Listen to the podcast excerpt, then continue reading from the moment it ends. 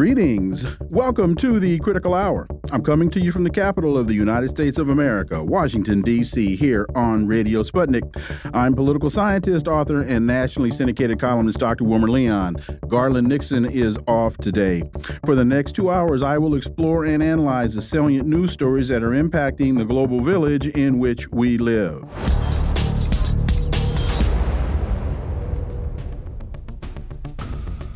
The Washington Post has a interesting piece entitled Who Will Run Gaza After the War? US searches for best of bad options. The Biden administration says a quote revitalized end quote Palestinian Authority should govern the enclave, but the idea is deeply unpopular with Israel and many Palestinians. To me, this headline speaks volumes. Who is the United States to determine who runs the Palestinian enclave? Why is Palestinian autonomy a bad option? This also demonstrates why the so called two state solution will never work, because the United States and Israel can't tolerate a sovereign Palestinian state. For insight into this, let's turn to my first guest. He's an award winning uh, journalist, broadcaster based in Beirut, Lebanon, Laith Marouf. As always, Laith, welcome back. My pleasure. So, Laith, your thoughts to uh, what I just opened with in in my brief, uh, uh, you know, uh, exposition on the point.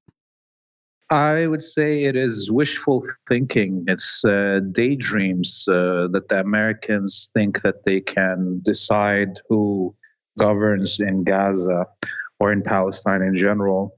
Uh, they, you know, they are dreaming of something that will never happen, which is number one, the defeat of the resistance in Gaza, um, and or the ability of the West to to de- determine what's going to happen after the end of this war.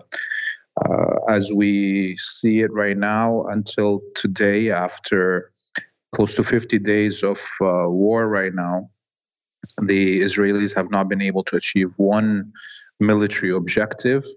Uh, we heard the, the, Secretary of Defense of the United States talk about, um, uh, you know, the, the the fact that the Israelis have these uh, goals that are unattainable, uh, which uh, you know includes this uh, dream, daydream of destroying Hamas and controlling Gaza after and who rules it. So I think the battlefield is going to decide what's going to happen at the end of this war. And uh, as we see it right now, the Israelis are only capable of genociding children uh, and unarmed civilians and they haven't been able to achieve one military objective that they can uh, then come to negotiate uh, to have more say in the in the results of this uh, conflict. The uh, Times of Israel, along the same lines, here has a piece confirming ground push into southern Gaza. IDF chief vows no less powerful campaign. So it seems as though the the tactic now has shifted from uh, artillery eh, now to boots on the ground. And if that is in fact the shift in a in the strategy, based upon your understanding of of how things are proceeding, what's going on right now? Well, uh, everybody has to know that the Israelis uh, practically withdrew completely from North Gaza right now because they couldn't uh, even hold the ground that they had uh, so now that they're trying to go into the south of Gaza, since the morning, uh, they had at least seven uh, tanks and seven uh, APCs uh, destroyed uh, by the resistance in as the Israelis were attempting to enter the south of Gaza, and they had to withdraw from the confrontation themselves because they lost so many of their uh, material and, and and soldiers on the on the battlefield uh, since the morning. So it is clear that they, you know, what they couldn't achieve in a totally destroyed north of Gaza, uh, they definitely can't achieve with uh, southern Gaza that hasn't been totally destroyed yet. And that's why we see the carpet bombing uh, continue, the um, you know circles of fire as they as they continue to do like destroying whole neighborhoods at a, at a time. And that's still not uh, helping them with the military battle with their uh, opponent uh, Hamas and Islamic Jihad. They're they're only achieving destruction of you know civilian homes and uh, attacking hospitals. Uh, today they attacked another hospital um, and uh, anytime they, they are faced with their uh, opponents, uh, they either lose the battle or run away. That is a, a totally different assessment than what we get here, whether it be through print media or through uh, watching television. Uh, one would, if one were only to limit themselves to watching CNN or MSNBC or Fox or a combination of the three, one would think that uh, Israel is winning. One would think that this this ground assault is uh, yielding or reaping incred incredible benefits. Yeah, like look, if we look uh, at what's happening in Gaza, just from the uh, perspective of human rights and human life loss, then you know we will be uh, unable to analyze things from a military perspective. And so we should put ourselves in the heads of military leaders. And a military leader, when they're making decisions on the battlefield, they cannot uh, put into their calculations the number of civilians dead they cannot put into their calculations the number of their own fighters, even that they only can, cal- you know, uh, when they're trying to plan their things, keep their eyesight on the battlefield. And so, if we, uh, you know, for a second, stop our hearts from bleeding for the Palestinian people. Uh, that you know, 15,000, almost 20,000 right now dead civilians. And we put that aside and we look at the battleground um, and what is happening there. Then we realize that the Israelis have been losing every military confrontation uh, with their opponents. Um, and that is what's important for anybody who's in charge uh, on the ground in the battlefield.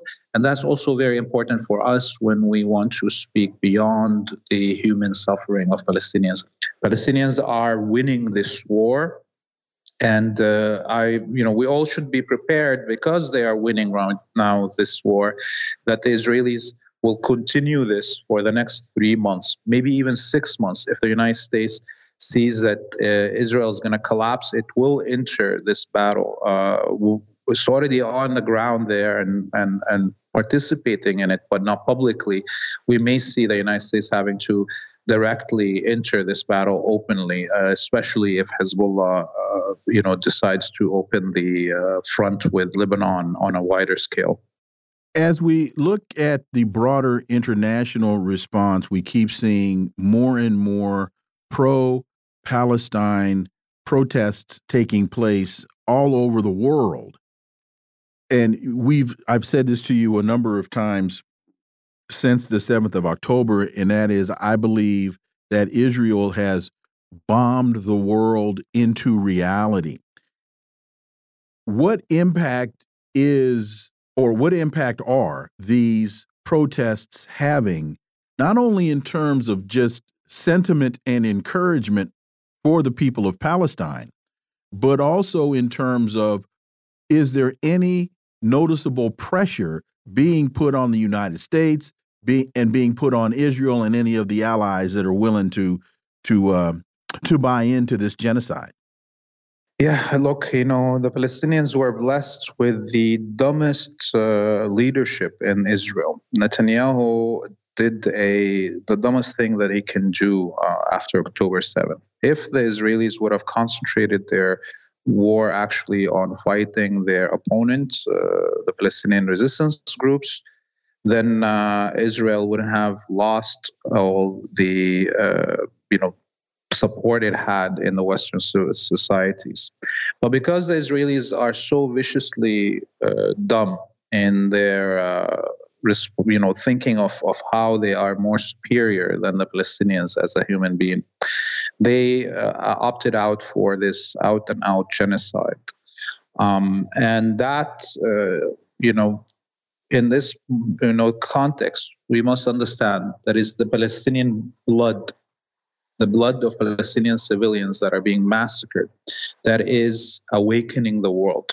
In a way, if the Israelis didn't commit this massacre and just did a regular actual war with an opponent, then we wouldn't be here today. Uh, the, the Palestinians are being killed every day for 75 years, and it didn't trigger the response that we see today.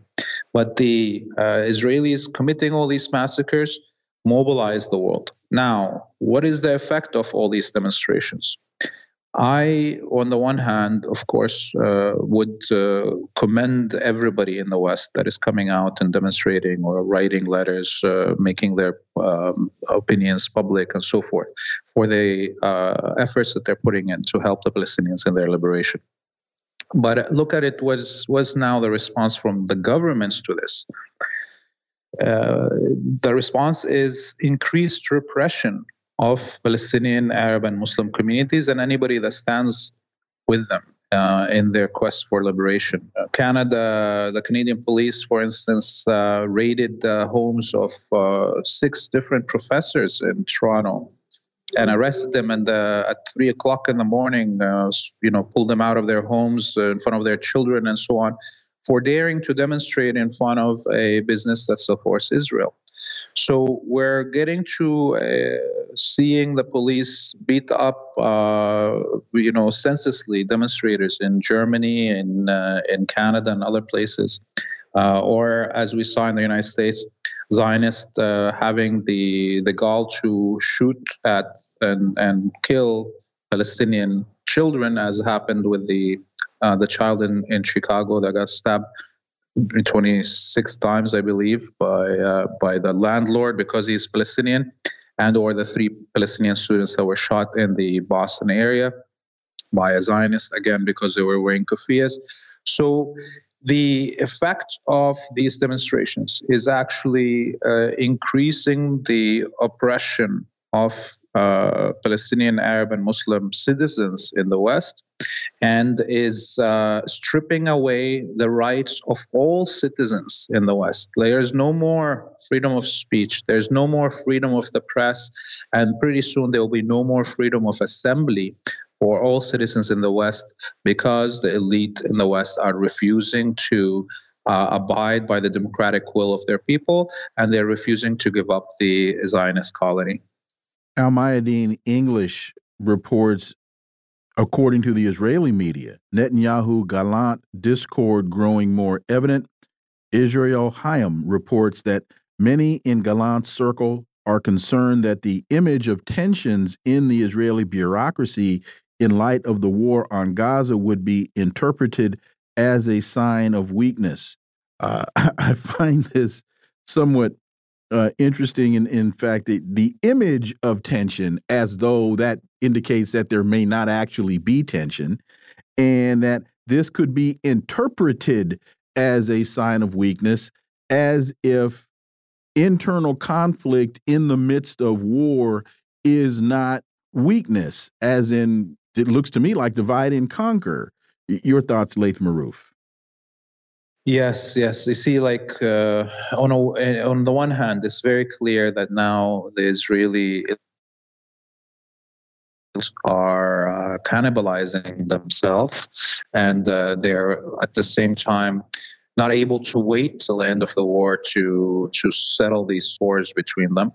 Uh, on the other hand, uh, we have to realize that uh, part of this information coming out publicly is to uh, you know kind of reaffirm this idea that Israel is a democracy and that there's multiple uh, camps in it. When in reality, there are, there is no democracy in Israel. It's an apartheid state and that uh, the disagreements between the elites in the Israel is always about how many Palestinians should they kill. It's not about how to make peace with the Palestinians. It's how much uh, oppression should you met on the Palestinians that will yield their uh, you know, they're bending down to and kissing the feet of their oppressor. So, you know, we have to remember all those when we think about these things. Um, but clearly, the Israeli elite are unable to come out with solutions to their problems, and that's increasing the internal tensions within the uh, factions of the elite of Israel. Laith Marouf, as always, thank you so much for your time and for your analysis. Greatly, greatly appreciate it. As always, we look forward to having you back. You have a great evening. You too. Thank you. Folks, you're listening to the Critical Hour on Radio Sputnik. I'm Wilmer Leon. There's more on the other side. Stay tuned.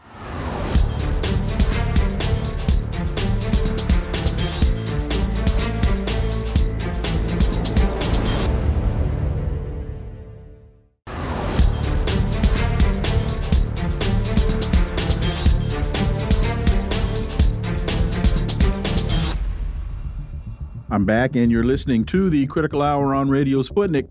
I'm Wilmer Leon. The Washington Post reports miscalculations, divisions marked offensive planning by U.S. in the Ukraine. The piece opens with a discussion regarding a June 15th meeting wherein Secretary of Defense Austin asked Ukrainian Defense Minister Oleksiy Reznikov about Ukraine's decision making in the opening days of its long awaited counteroffensive. The answers that uh, Austin received were, let's just say, to be kind, less than adequate. For insight into this, let's turn to our next guest. He's a Moscow based international relations and security analyst, Mark Sleboda. As always, Mark, welcome back.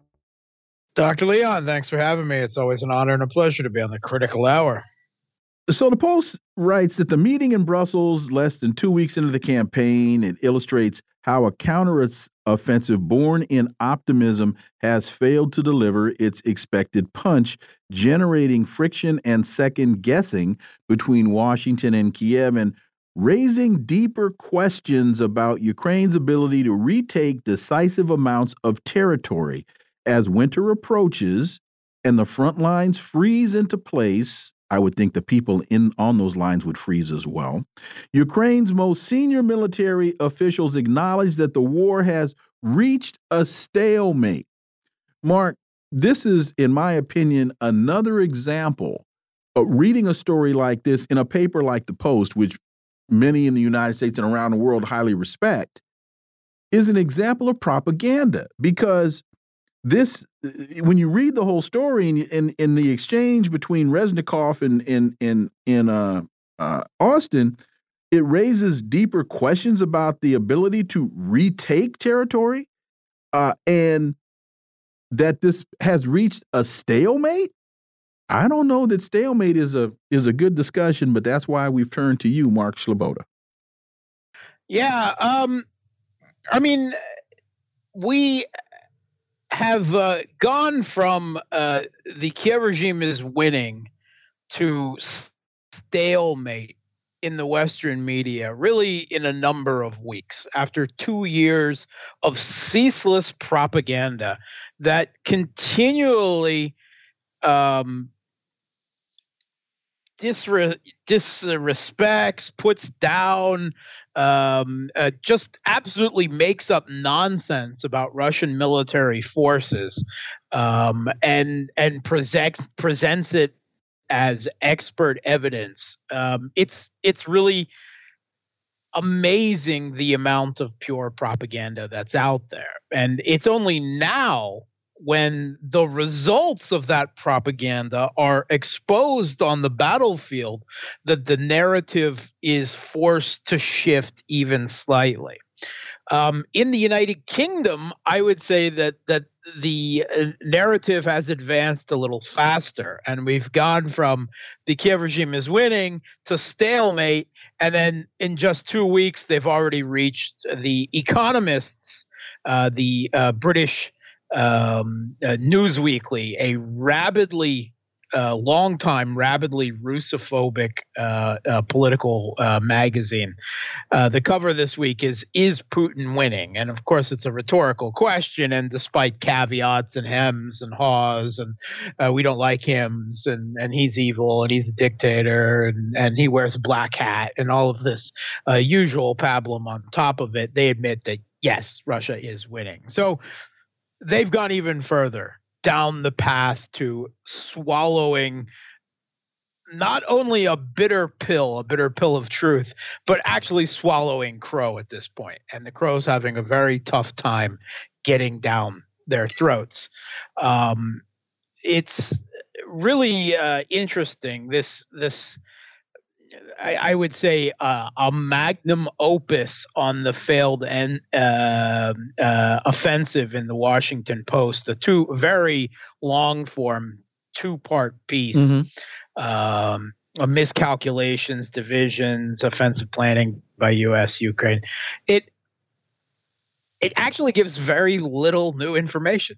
well, in fact, let me let me read let me read this paragraph yeah. because it, it, this to me demonstrates I don't know if you want to call it inconsistency. I don't know if you want to call it hypocrisy or just flat out foolishness. The, the Post writes Reznikov, a lawyer, said Ukraine's military commanders were the ones making the decisions because he was answering the question that I, that that basically uh, Austin asked, why aren't you using the the weaponry that we've sent you, and why aren't you using smoke cover as you send your troops into the battlefield? He noted that Reznikov noted that Ukraine's armored vehicles were being destroyed by Russian helicopters, drones, and artillery with every attempt to advance. Without air support, he said, the only option was to use military to shell Russian lines, dismount from the targeted vehicles, and proceed on foot. Quote, we can't maneuver because of the landmine density and tank ambushes, Reznikov said. That doesn't sound like a stalemate to me, Mark Sleboda. That sounds like you're getting your hind parts whooped. Yeah, I mean, to be fair, this is uh, Russia on uh, the defensive and well established defenses. But yes, it was not just a miscalculation, it was a completely ludicrous plan from uh, the beginning. Okay. Um, uh, with the array of forces uh, and preparations on both sides. Um, Mark Milley, uh, then the U.S. Chairman of Joint Chiefs of Staff, said repeatedly that he was basically hoping that again these assumptions that they had and i believe that they were swallowing their own kool-aid propaganda on this as some type of hopium uh, that russian forces uh, were ill-trained ill-equipped and had low morale and once the uh, uh, Kiev regime fighters came over the horizon in their bright, shining new NATO miracle wonder weapons, uh, quote unquote, uh, that they would all throw down their their their shovels because the only weapons they had was shovels, evidently, and run away. Um, that that that is literally what he seemed to believe, and they drew this lesson from the the great Kiev regime victories in Kherson and Kharkov last autumn. Well, uh, first of all, that's a completely misreading of what actually happened there. Uh, Russia withdrew from both of these positions because they had not gone into the uh, conflict with a large enough manpower uh, pool to do anything more than politically coerce Kiev. And NATO made sure that wasn't going to happen. They rapidly mobilized hundreds of thousands, conscripted thousands of new troops, and got weapons from from NATO. And and Russia was, you know, had gone into the intervention, I believe, naively, with a demonstrably small force to prove that their intentions were limited, and and they got smacked for. I mean, they got smacked for for it, particularly in the way that they actually got large swaths of Ukrainian territory in the south, Kherson and Zaporozhye, that they basically didn't fight. Right? Um, they the, the local they didn't want to fight with Russia. They didn't want to fight with the regime, and so there was very little fighting. Russia absorbed all this territory, and when when the conflict was going to continue and there wasn't going to be a diplomatic resolution, uh, Russia simply didn't have enough manpower to man all of that vast territory with the limited forces. So they had to rapidly conduct a mobilization and a big uh, uh, domestic uh, recruitment drive for the military, and so they withdrew. Uh, uh, they withdrew in good order. They didn't get beat in the battlefield, and they withdrew, inflicting crippling losses as they did so with long range strikes on advancing Kiev regime forces. They didn't suffer force attrition in, in any significant way, while the Kiev regime did. So it was a complete misreading of these, and that led them to believe that that the Russian troops had, for what whatever reason, I, very bad intelligence, very bad Russian experts, just hopia that the Russians would just throw down their weapons and run away uh, in in with this NATO proxy southern offensive. And of course, it didn't happen that way at all. And the Russian troops did not have low morale. They believe what they're doing there. They did not have they were not poorly equipped. They had excellent equipment and defenses, very advanced. Russia had air superiority, a 10 to 1 advantages in artillery, electronic warfare overmatch, um, uh, um, uh, a decisive advantage in, in numbers and quantity of drones and long range strikes. I mean, they everything.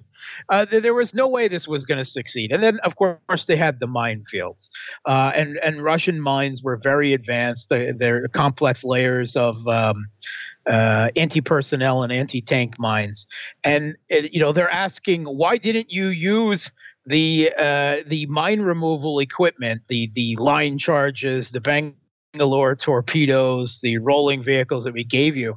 I said, because it all gets destroyed by Russian fires long before it can be put into use in the minefield because they pick it off immediately. Um, that's why, because Russia's advantage in artillery and air power and drone was so decisive that they never had the opportunity to do that. So eventually they get to the point they had to dismount.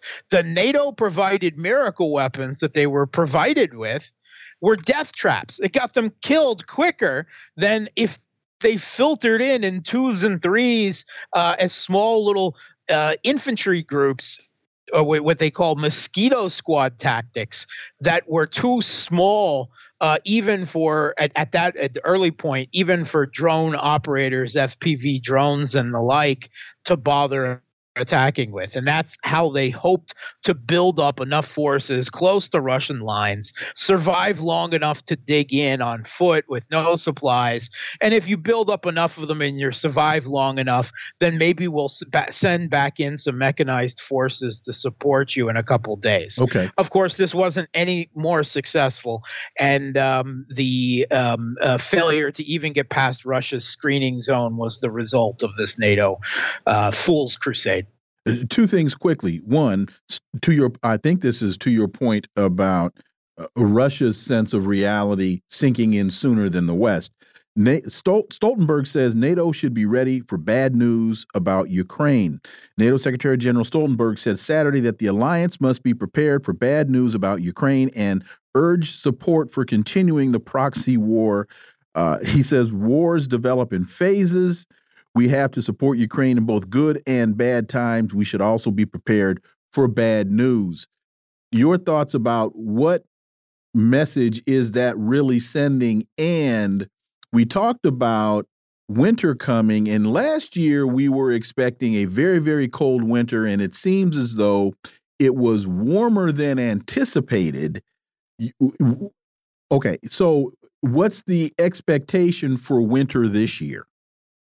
Yeah, it's already much colder and much more snow uh, than it, uh, it, it, we're actually setting record amounts of snow in this part of the world right now. I haven't seen it in decades, mm. and, and, cold as well. So it's going to be a very different winter. Okay. It's going to be a uh, winter that supports military operations against frozen ground. The Kiev regime is going to go is going solidly on the defensive. They're now they're now late building defensive lines all over the country and conducting a new mass forced conscription campaign to reconstitute their retreated forces. Zelensky said 2023 was the year of Ukrainian victory. Mm. Uh, no, sorry, try again. 2024 is going to be the year of Russia saying it's our turn now.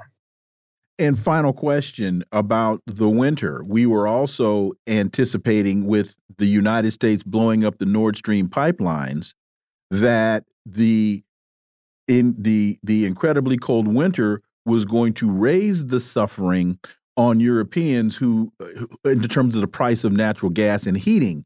And again, it was warmer last year than anticipated. I can only foresee serious uh, problems coming in terms of paying for heating bills. People won't be happy. Yeah, not just in Europe, Ukraine, of course. Their already damaged uh, electrical infrastructure is already failing on its own because of increased uh, uh, demand because of, of the cold already. Uh, and Russia hasn't even launched their seasonal um, uh, uh drone and missile campaign. Mm. Right, U.S. military intelligence says they have over a thousand missiles stored up. It's going to be a long, cold winter in both the Kiev regime held parts of Ukraine and in Europe. Wow. So if you think you're lonely now, as Bobby Womack said, wait until tonight. Mark Sleboda. General Winter. Mark Sleboda, as always, thank you so much for your time. Greatly, greatly appreciate that analysis. I look forward to having you back. Thanks for having me. Folks, you're listening to the Critical Hour on Radio Sputnik. I'm Wilmer Leon. There's more on the other side. Stay tuned.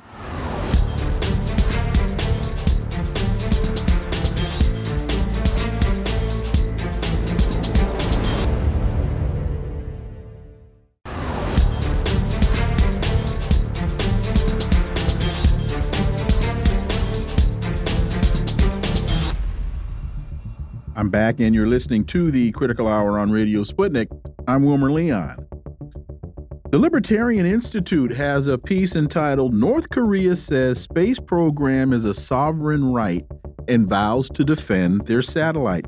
The North Korean Defense Ministry said the nation would go to war if its satellite was attacked. Pyongyang placed a surveillance satellite into orbit last month declaring that having a space program is a sovereign right, the North Korean government refuses to negotiate over the existence of its space program. For insight into this, let's turn to my next guest. He's an author and professor of East Asian and Global History at New Mexico State University, Dr. Ken Hammond. As always, Ken, welcome back. Glad to be here today, Wilmer. I, I want to read this paragraph because I think it's very, very important. Article 8 of the Treaty on Principles Governing the Activities of States in the Exploration and Use of Outer Space, including the Moon and other celestial bodies, stipulates that any object launched into outer space definitely falls under the jurisdiction of the launcher state and the ownership of it never changes no matter it remains uh, in outer space or return to Earth. This article also this uh, this piece of this peace treaty continues. This means that the reconnaissance satellite uh, is part of the territory of North Korea, where its sovereignty is exercised. And final point: Washington responded to Pyongyang's success by blasting North Korea at the UN the U.S. ambassador to the UN, Linda Thomas Greenfield, called the satellite launch a reckless, unlawful action. Ken, I guess when you operate from the misguided perspective of full spectrum dominance, you see everything as a threat in violation of some sort, even though the militarization of space violates international law. Dr. Ken Hammond. Well, this is you know this is the classic example uh, of you know when we do it, it's good. When you do it, it's bad because the United States obviously has you know we have hundreds of satellites up there. We've we've you know been to the moon and back. We're talking about going to Mars. You know all this stuff is going on. We're it's perfectly fine. It's great for us to do this because the United States are the good guys, and so whatever we do is is just perfectly acceptable, including creating, as you just mentioned, you know, the space force that President Trump launched, uh, and this idea that that we're going to have a military capability, uh, you know, aimed at at extending the kind of control we want to impose on Earth into, you know, the realm of space, which, as you say, is, this clearly contravenes established treaties and practice and all this. But when you know North Korea launches one you know satellite to allow it to you know observe planetary phenomena in the same way that the United States has dozens, maybe hundreds up there doing all the time. That is somehow seen as an aggressive action, as you know, as as some sort of menace or threat uh, to an established uh, uh, order. And uh, it's just ludicrous that that it's a it's a kind of doublethink that that you know is so predominant and so constantly reinforced that a lot of people just you know just don't question it. They're like, well, of course, what are the North Koreans doing? Launching a satellite.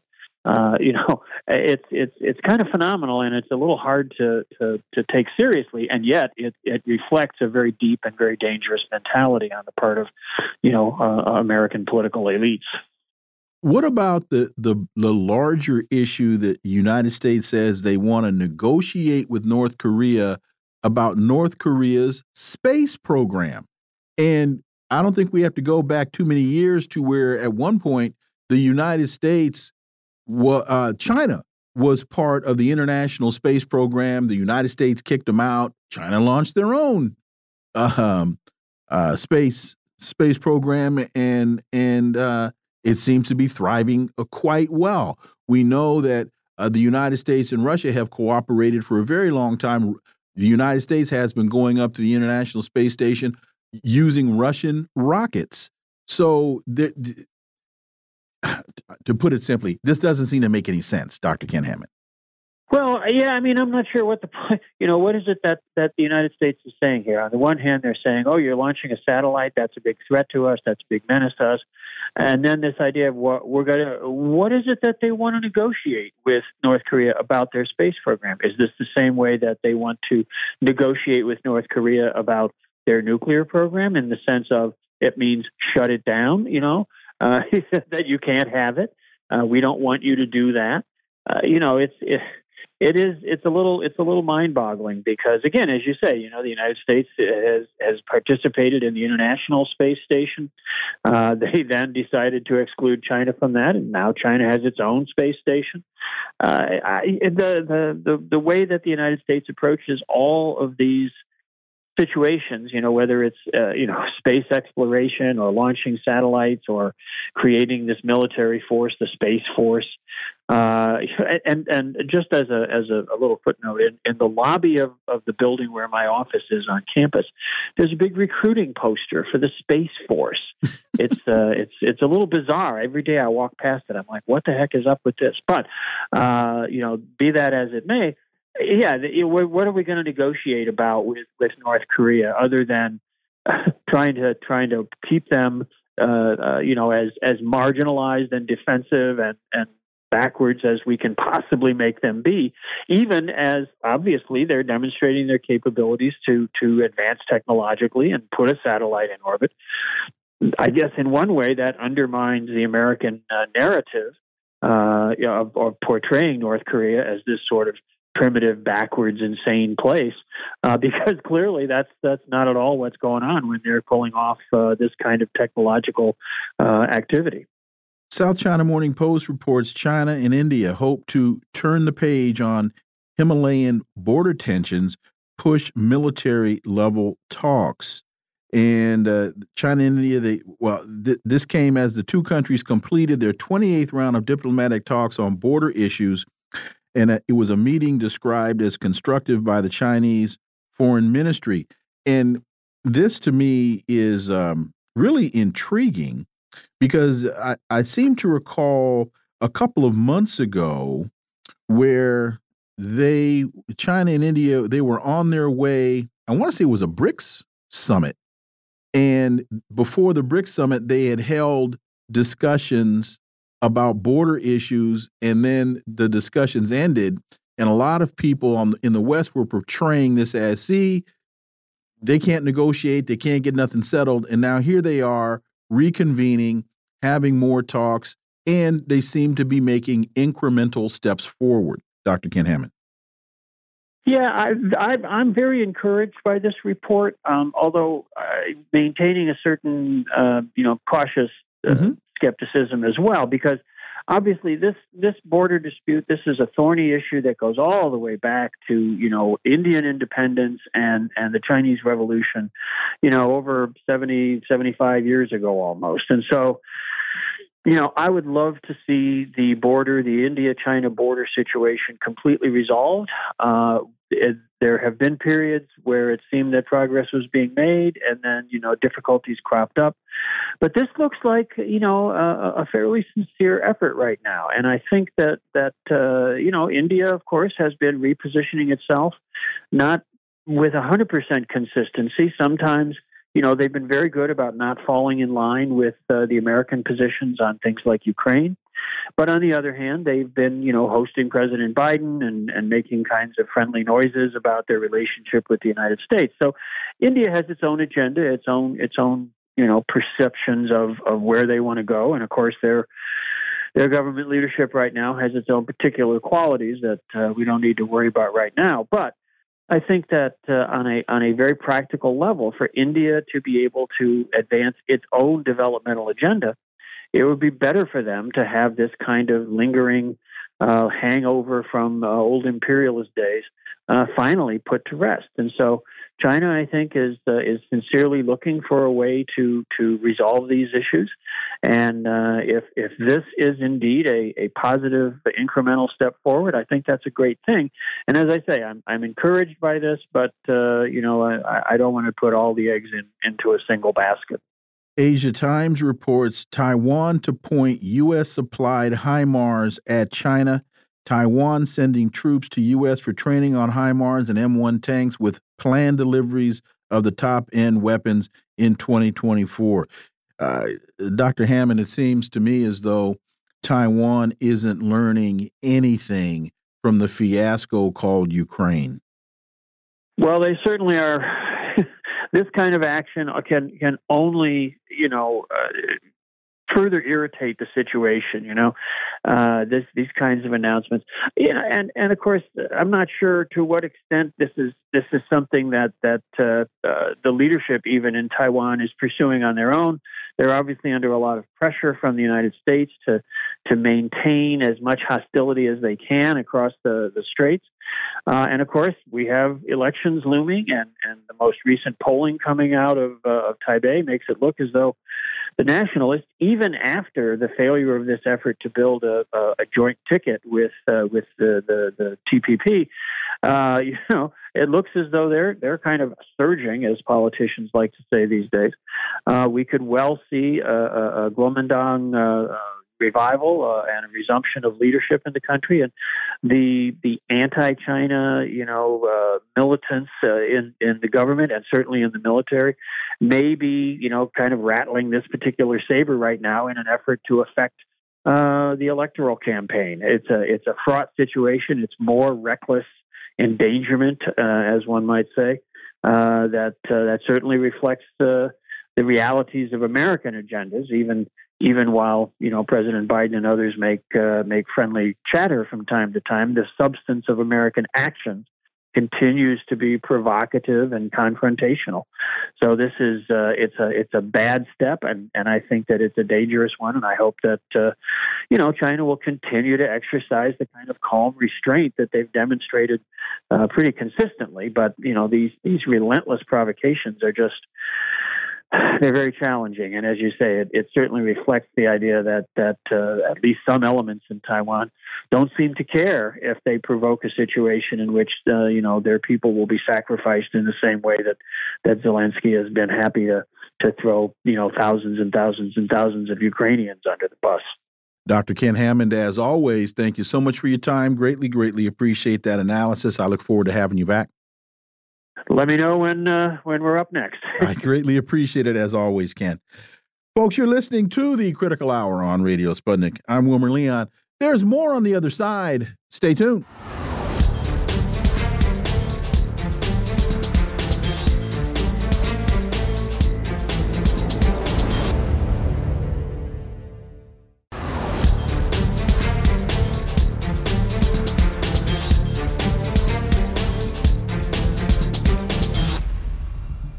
I'm back, and you're listening to the Critical Hour on Radio Sputnik. I'm Wilmer Leon. There's another piece in the Washington Post by Robert Kagan entitled, A Trump Dictatorship is Increasingly Inevitable. We should stop pretending. Let's stop the wishful thinking and face the stark reality. This is a clear path to dictatorship in the United States, and it is getting shorter every day. And folks, I, am not picking on the Washington Post, but my goodness, they've just published a whole bunch of garbage that I think needs to be uh, attention needs to be called to. For insight into this, let's turn to my next guest. She's an independent American journalist and RT correspondent, Rachel Blevins. As always, Rachel, welcome back. Thank you for having me. So let me read a little bit of this piece. Uh, like people on a riverboat, we have long known there is a waterfall ahead, but assume we will somehow find our way to shore before we go over the edge. But now the actions required to get us to the shore are looking harder and harder, if not downright impossible. The magical thinking phase is ending. Bearing some miracle, I'm sorry, barring some miracle, Trump will soon be the presumptive Republican nominee for president. Rachel, no matter how one feels about Donald Trump, to write a piece like this, let alone have it published in the Washington Post, I believe is incredibly irresponsible. If Trump wins, he will once again become the duly elected president of the United States. People are going to go out, they're going to vote one way or the other. And if when you tally up the votes, he wins, he wins. I, I don't know of a dictator that has been elected in a free and fair election. And data point Trump received 74 million votes, or about 47% of the votes cast in 2020. And so, what does this say to you? As even Fox is having this same discussion, Trump as a dictator. Rachel Blevins. Yeah, you know, it's interesting when the polls start turning in Trump's favor. And again, as you're mentioning, asking the opinion of the American people when they are saying that they would prefer Donald Trump over Joe Biden, then suddenly you get this media push of claiming that Trump is a dictator. And it's really interesting to see that they're not arguing Joe Biden is the better choice. This is why you should vote for Biden. These are his policies. They're once again arguing, just as they have the last two elections past, that you shouldn't vote for Trump because Trump is bad. Therefore, you should vote for the Democratic candidate.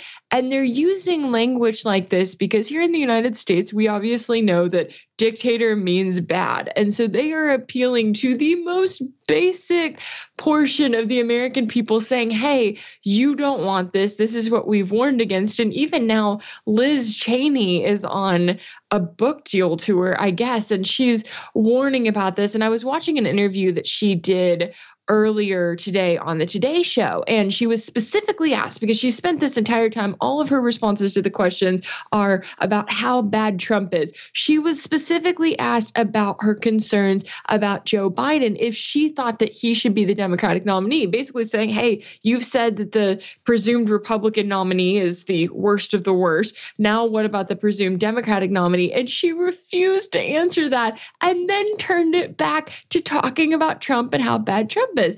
And, you know, at the end of the day, I'm not necessarily a fan of Trump, but I think it's fascinating to see how the media, instead of saying, hey, yeah, Trump's bad, look at this possible solution, look to this candidate, they're just like, Trump is bad, therefore you should vote for someone who is also bad and has a number of ways in which he has weaponized his own Justice Department, that being Joe Biden, to go after people he doesn't like. So therefore, I guess he's the better option just because his name isn't Trump. You know, I'm glad you mentioned Liz Cheney because I've been paying attention to her over this last week since her book was released. I haven't sat, I haven't been able to sit through an entire interview because it's so nauseating to me. but I think when you look at her voting record when she was in Congress, I think, and this is not an exaggeration, I think she voted with Trump 98% of the time. It might be 99. I'm going to give her the benefit of the doubt. 98% of the time. So, and I don't know that anyone, if you watch, you say you watched the um, the interview today. Did anybody on the Today Show ask her, well, if he's so vile and reprehensible, mm -hmm. why'd you vote with the guy 98% of the time? Unless the answer is, which I think is what the answer should be, it should be a lot less about personality and everything about policy. Rachel. Yeah, absolutely. And no, they did not ask that question, although I wasn't exactly holding my breath for it. But when it comes down to the treatment, they are talking so much about Liz Cheney right now. Why? Because she's a Republican. She's the daughter of Dick Cheney, great war criminal of our time, who we're still not talking about his war crimes. We're just talking about the fact that he's a Republican and she is too.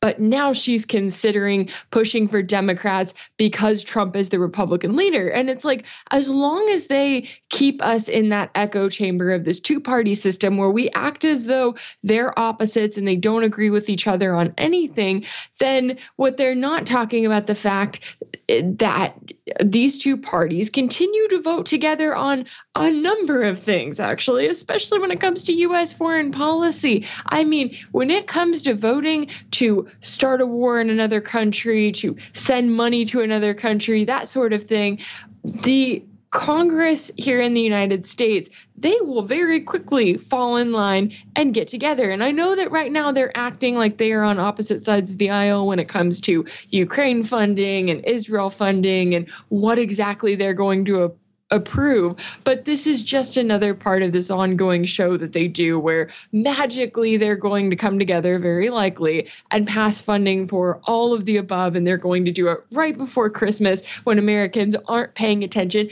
And that's what they do every single time. But yet we're so busy looking at the red versus blue and is a Republican going to switch parties just because Trump is such a dictator?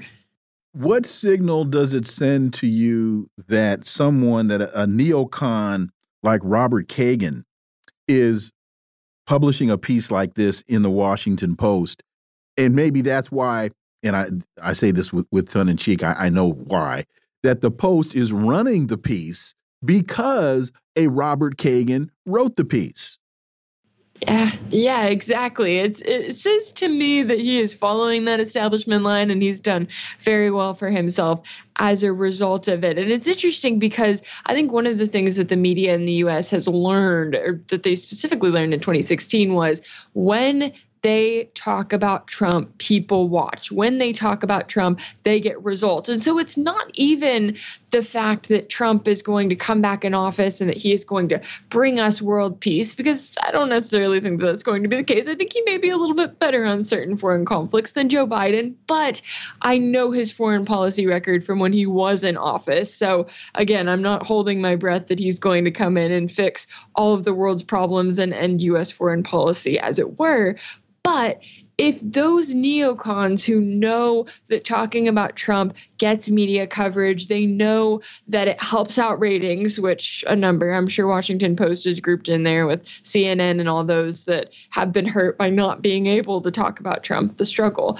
If they know that they can get ratings by doing that, then they're going to say, okay, well, not only are we going to talk about Trump, but we are going to warn that the U.S. is facing some sort of existential crisis if he is the Republican nominee, let alone alone if he actually wins the next election, as a number of polls are looking like he has a chance at beating Biden in. And we're not going to focus on all of the bad things that Joe Biden is currently doing in office, all of the ways in which he is rushing us to World War III on a number of fronts, all of these different conflicts, the fact that we have a president in office who does not seem to care whatsoever about the American people, about our standard of living, about the state of infrastructure in our country we're not going to talk about that because then that could possibly call the entire establishment into question as well as the media. Instead, we're just going to focus over here on Trump and we're going to use big words and language to make you think that you need to keep voting for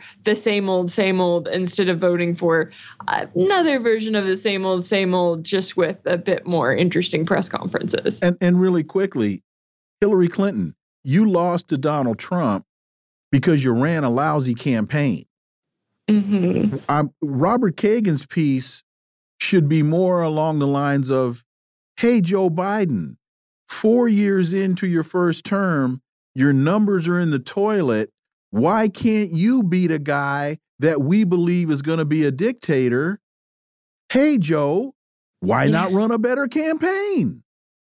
Yeah, exactly. And the fact that they're not saying that, the fact that they are still trying to skirt around the hot mess that is Joe Biden and I guess his campaign for 2024, that tells you everything you need to know about who they are actually working for and whose interests they have in mind. And the fact that whether you're talking about the Republican Party or the Democratic Party, you're talking about two wings on the same bird, which is why American people can't benefit from what we're supposed to think is a is a is a different is a substantive difference in policy and people. Rachel Blevins, as always, thank you so much for your time. Greatly, greatly appreciate it. Thank you. Folks, you're listening to the Critical Hour on Radio Sputnik. I'm Wilmer Leon. There's another hour on the other side. Stay tuned.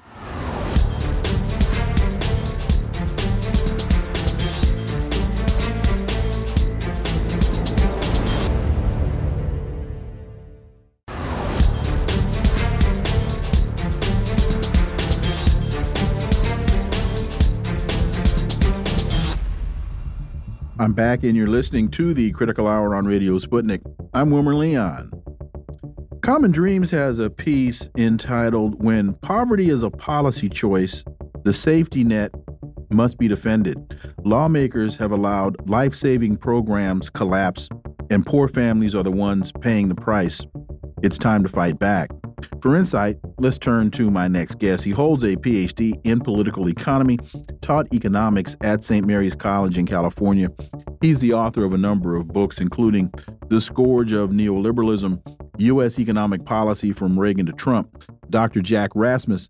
As always, Jack, welcome back. Always glad to join you. So, this piece is written by uh, Asia Walters, a 32 year old mother she understands the extreme challenges that being a single mother uh, presents. And she's also seen the life changing difference a strong social safety net can make. She's learned that poverty is a policy choice, not a personal one. It can be reversed if so chosen. Uh, your thoughts, uh, Jack Rasmus, as we look at the the fight against the social safety net, and it seems to be being engaged by both parties, and they're really on the same side of undermining the safety net. They just have, I think, that their squabbles are over tactic, uh, not philosophy or ideology. Dr. Jack Rasmus. Yeah, well, uh, people should be prepared. Uh, we're going to see a big slashing of uh, even what's left of the social safety net uh, come next year, and both parties are going to uh, cooperate on that. Uh, you know, the U.S. is running a deficit of one and a half trillion dollars after this debt ceiling deal, even, and uh, trillion dollar deficits for as far as the eye can see, uh, and it's largely because of uh, uh, tax uh, avoidance and tax laws that have been spent. you know, for decades, two decades now, 15, 16 trillion dollars in tax cuts, and then eight trillion dollars in wars in the Middle East. Uh, well, that's uh, the biggest chunk of uh, uh our 33 trillion uh, national debt, and uh, you know annual deficits make up the debt, and the annual deficits are going to continue to run at a trillion dollars or more, uh, and they're not going to cut defense spending, and they're not going to change the Trump tax cuts. Uh, so the only place they can go is to slash social programs, and we see in these poverty data uh, the consequences of that already uh, yeah, it, it's a choice. The politicians could get rid of uh, poverty. We saw during COVID uh, the introduction of certain social programs, safety net programs like the child care credits, right? Uh, rent moratorium, school lunch support, Medicaid enrollment, and all that. And uh, that cut poverty in half. But in 2022, Biden and the Democrats, with the help of Republicans, wiped all that out they wiped that out, eliminated it, and now you see the poverty levels have doubled again overnight in one year. uh, the latest, uh, what's called supplemental uh, poverty measure here, uh, which includes uh, government programs, by the way. That's the key with the SPM, as opposed to the traditional poverty estimate here, which is phony. But the SPM shows it's doubled from. Uh, 7.8 in 2021 poverty rate uh, to 12.4 and the kids poverty rate almost tripled from 5.2 during these programs to 12.4%. Uh, and then, of course, uh, you wipe out all these programs and uh, poverty doubles again. So it's all about how you define it and what kind of social programs you have uh, to uh, ameliorate it. Uh, you know, and, and, I would also add an interesting consequence of this. You know, the child care credit during COVID was increased by $52 billion between 2021 2020 and 2021 52 billion dollars which is just and it's been discontinued uh, by you know in, in, late 2022 and at the same time biden and the government passes 52 billion dollars in subsidies to billion dollar profitable tech companies, chip companies, Intel, you know, and the others, TSMC, it's et cetera. So effectively, they've taken the money from childcare and they've given it to tech corporations and these subsidies. Uh, look, it's it's just a big tax cut and uh, and and slush fund to, to, get these companies, these chip companies, to come back to the U.S. They're paying them, they're bribing them to come back to the U.S. Well, that money you could say just came right out of, uh, you know, the the child care credit. And those other programs have been discontinued as well, and the money is being used elsewhere. You know, for uh, uh, we're throwing it at Ukraine right? We're we're uh, giving Ukraine a billion dollars a month to pay for their government workers and their pensions. We're giving them a billion a month. So, you know, the priorities are all messed up and it's pretty obvious they could solve problem the, the, the problem of poverty in this country. We we saw uh, a big step in that direction during COVID. They could do it. Uh, but they'd rather spend the money on wars and tax cuts for the rich than on uh, 30, 40 million Americans who, who are living in terrible conditions. And so that's one side of the equation. And on the other side of the equation, you have an article how presidents become multimillionaires after leaving office. So we talk about the the poverty of the poor and the working class in the United States, but the elite seem to be doing quite well. How presidents become multimillionaires after living office, leaving office. Dr. Jack Rasmus. That's an article that I just wrote and can be found on my blog, jackrasmus.com, and probably on a number of uh, other public blogs uh, tomorrow. Check out LA Progressive, maybe, and Counterpunch. Uh, and um, you know, I've been doing some research on this. It's all public information.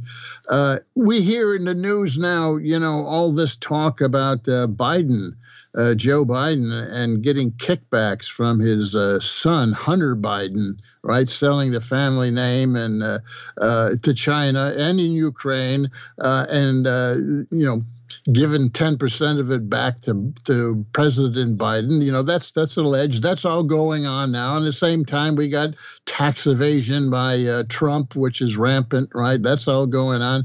But, you know, uh, that kind of elite, political elite uh, grifting is um, uh, quite legal, quite legal. You know, I mean, they're saying whether Trump and Biden are illegal. Well, that's just the tip of the iceberg because most of it is is quite legal. Uh, in the research I've done, you know, there's like seven or eight ways that the presidents, once they leave office, become multimillionaires. Not while they're in office, but when they leave office. How how do they become multimillionaires? And I'm talking about uh, the Clintons and the Obamas and the George Bushes and, and uh, all of them right? It, it's a, there's a common formula how they are repaid nicely uh, for the work they do for the wealthy and the big corporations while they're presidents. In, in other words, once they get out, boy, they are uh, rewarded nicely. How are they rewarded?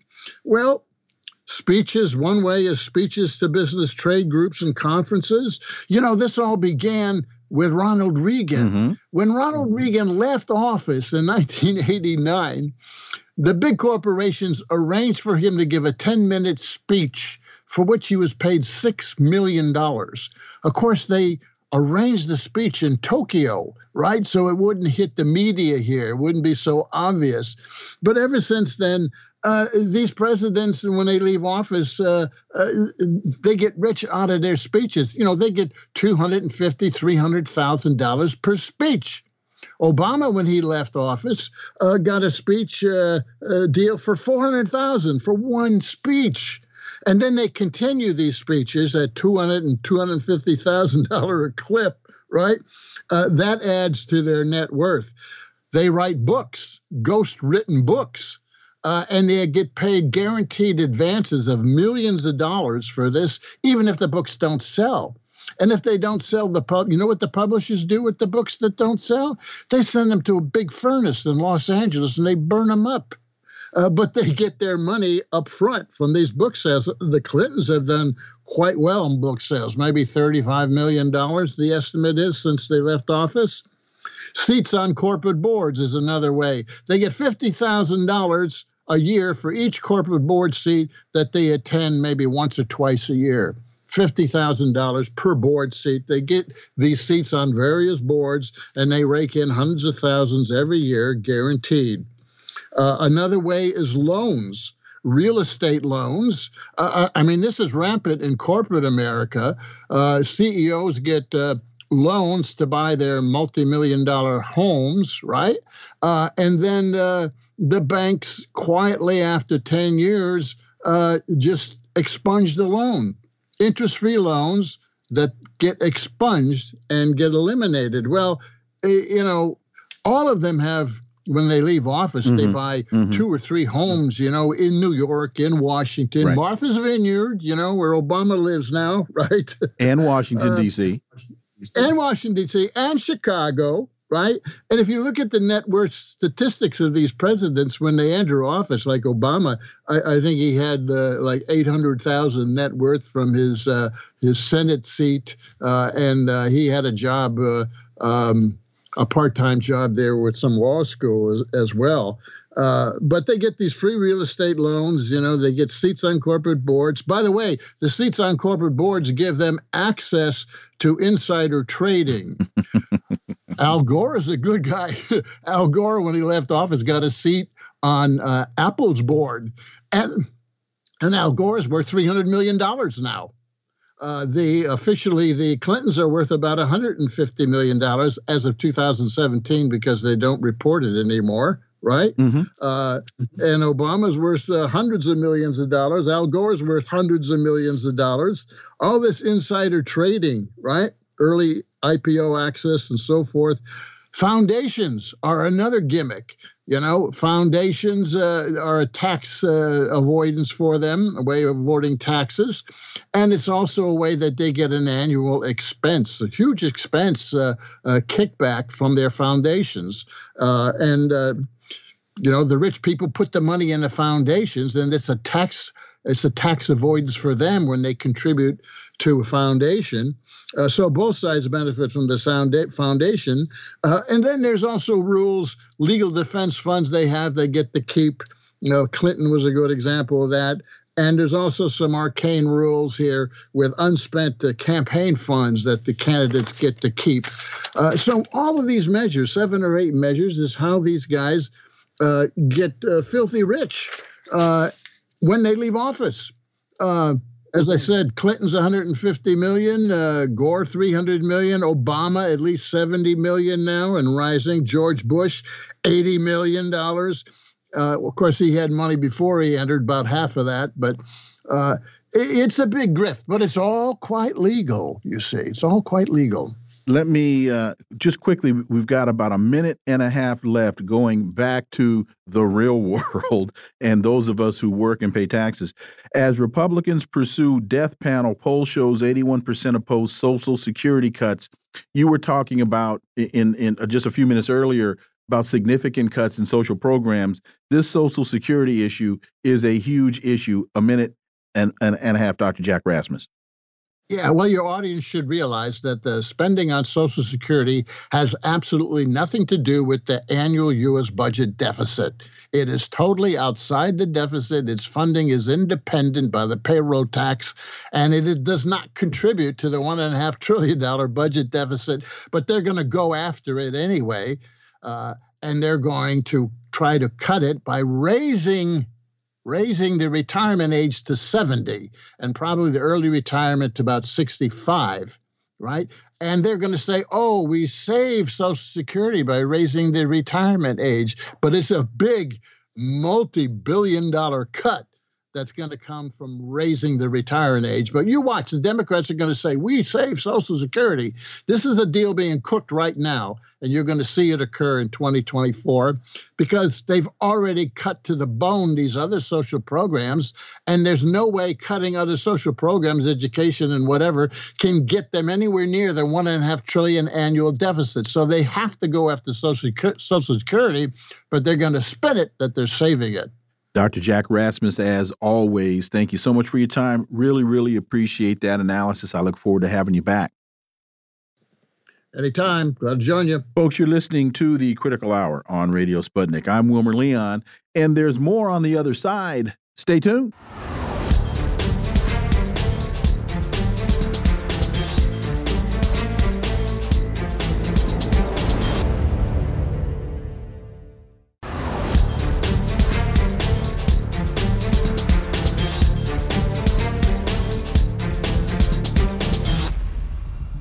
I'm back, and you're listening to the Critical Hour on Radio Sputnik. I'm Wilmer Leon. Common Dreams has a piece entitled DeSantis Death Penalty Spree Fuels Surge in U.S. Executions. The Florida governor approved the executions of six people this year, and the state imposed five new death sentences. The Florida governor and 2024 presidential candidate Ron DeSantis made a return to capital punishment in his state a key element of his tough on crime campaign message in this past year, and the result was an overall increase in the use of the death penalty in the U.S., and this is according to a new annual report. For insight into this, let's turn to uh, my next guest. He's an independent journalist and author of three books The Frozen Republic, The Velvet Coup, and America's Undeclared War. Daniel Lazare, as always, welcome back. Uh, thanks for having me. Two things immediately came to mind to me as I was reading this. Uh, one,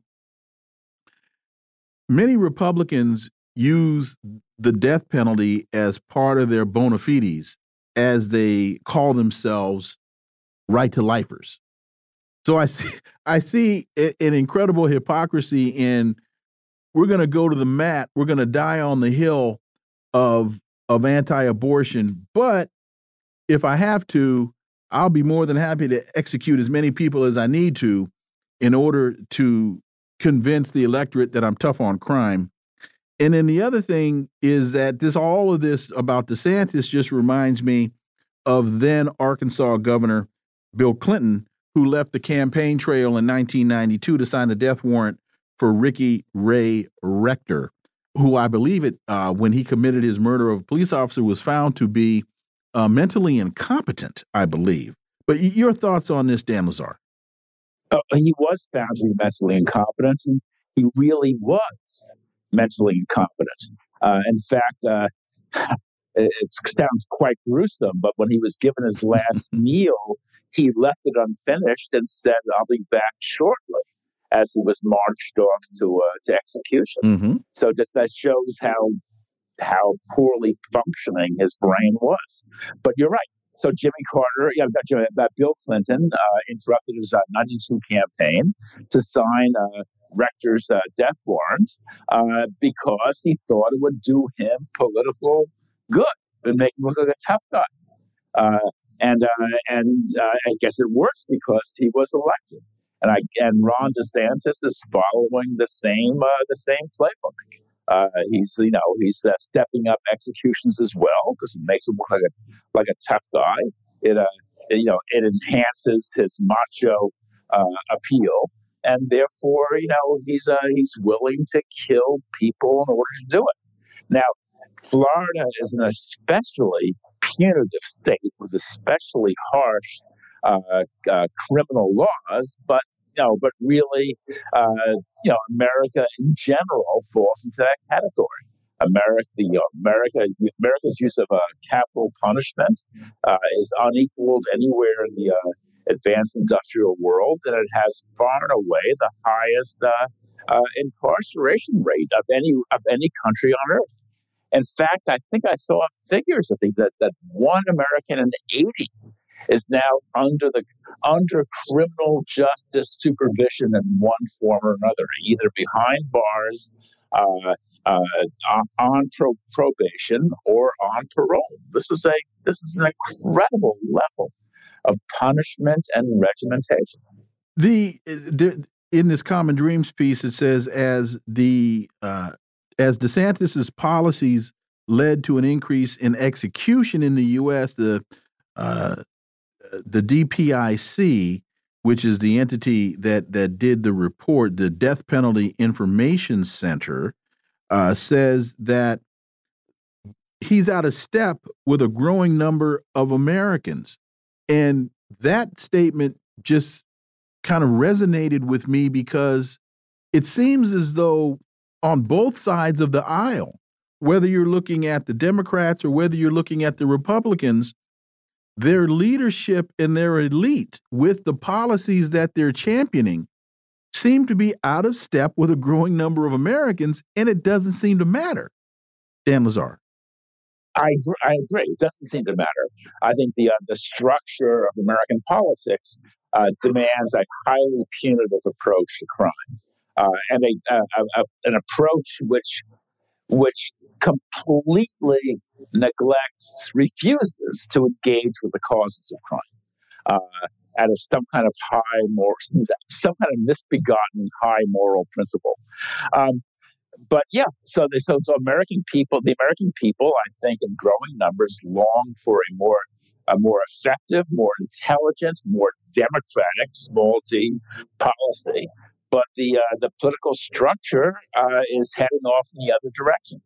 Uh, it's not not going to give it to them, and but that's true, you know, in American society in general. Uh, I mean, Congress doesn't really represent the people; it represents the interests of the uh, 535 people who you know who, who comprise it, individuals who, who comprise it.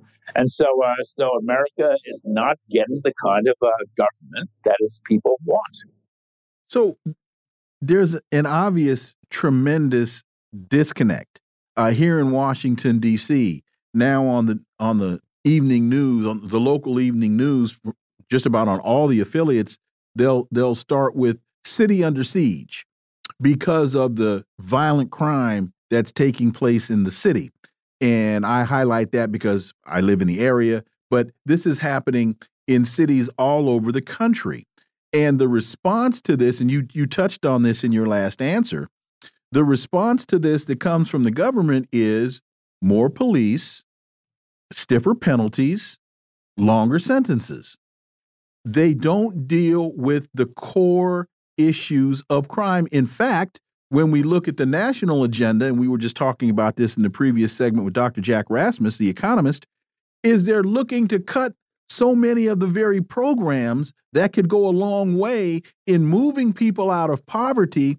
And I know that there's a statistically relevant correlation between moving people out of poverty and your crime rate going down. Yes, that's absolutely true, but uh, uh, but it's it's even worse. I mean, after all, I mean, all the talk on Capitol Hill is now of. Mean, it's it's hard to imagine, but it's true of literally invading Mexico to stop the influx of a uh, of um of illegal drugs like fentanyl. Mm-hmm. Um, and and and this will not work. It'll only make the problem ten times worse. It's like it's like uh, have you have, you have a rash. It's like clawing away at a rash, and it only causes it to become to become more inflamed and spread even farther. So that's what's happening with the the drug issue, especially. I mean, all these punitive approaches actually makes the problem worse, uh, intensifies it, leads to ever stronger and more dangerous drugs and ever greater number of crimes associated with the drug trade. Uh, and but this this has been going on for half a century. The war on drugs uh, dates to 1971 when when uh, when Richard Nixon declared it. Uh, it was in response to the problem of a few, you know, Mexican day laborers, you know, bringing over bags of marijuana into a into southern Texas. A very small problem, but Nixon closed the border, announced the war on drugs, and ever since that, with virtually no thought at all, America has steadily escalated this crusade and to the point where it's becoming all consuming. It's destroying American cities, it's capsizing entire nations in the Caribbean and Latin America. Uh, it's a it's a complete disaster, but but Congress is incapable incapable of somehow thinking the problem through in a rational manner. So it just gets worse and worse and worse. Well, in sheer economic context, we have a demand issue and a supply issue. And I hear very little discussion on dealing with the demand issue, where simple economics tells you if you cut the demand, your supply will follow. They want to cut the supply side, doing nothing on the demand side.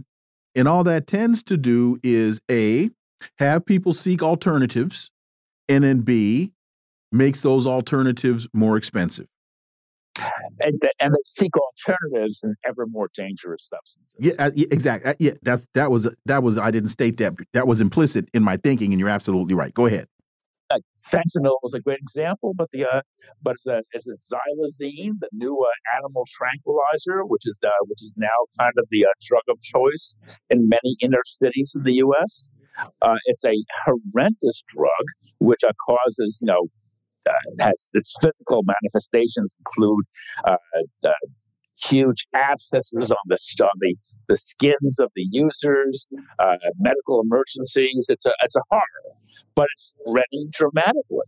Uh, essentially, these drug policies are encouraging a kind of a, a death trip uh, on the part of, of users. You've got to ask yourself, why does America consume 80% of the fentanyl in the world, as the Chinese point out, is because those evil Chinese are are pushing the drug on on helpless Americans, or in some ways, our culture and our drug war actually encouraging a stepped up appetite for these substances, and and with all kinds of terrible, terrible, you know, health consequences, criminal justice consequences.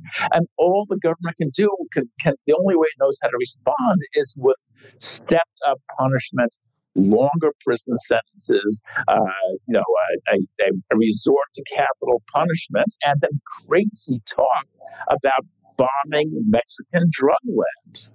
Uh, it's it's it's truly insane.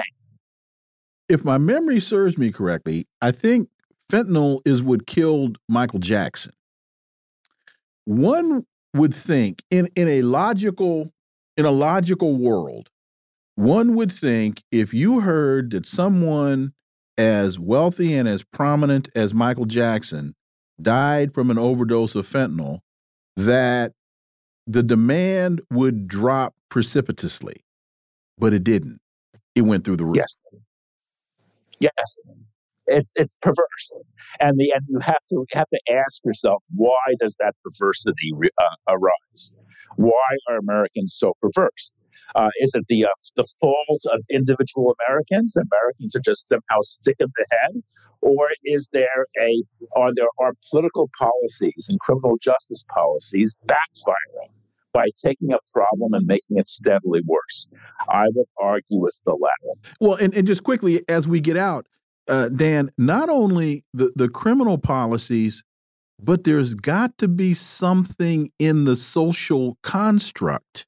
Yes. That is not being addressed.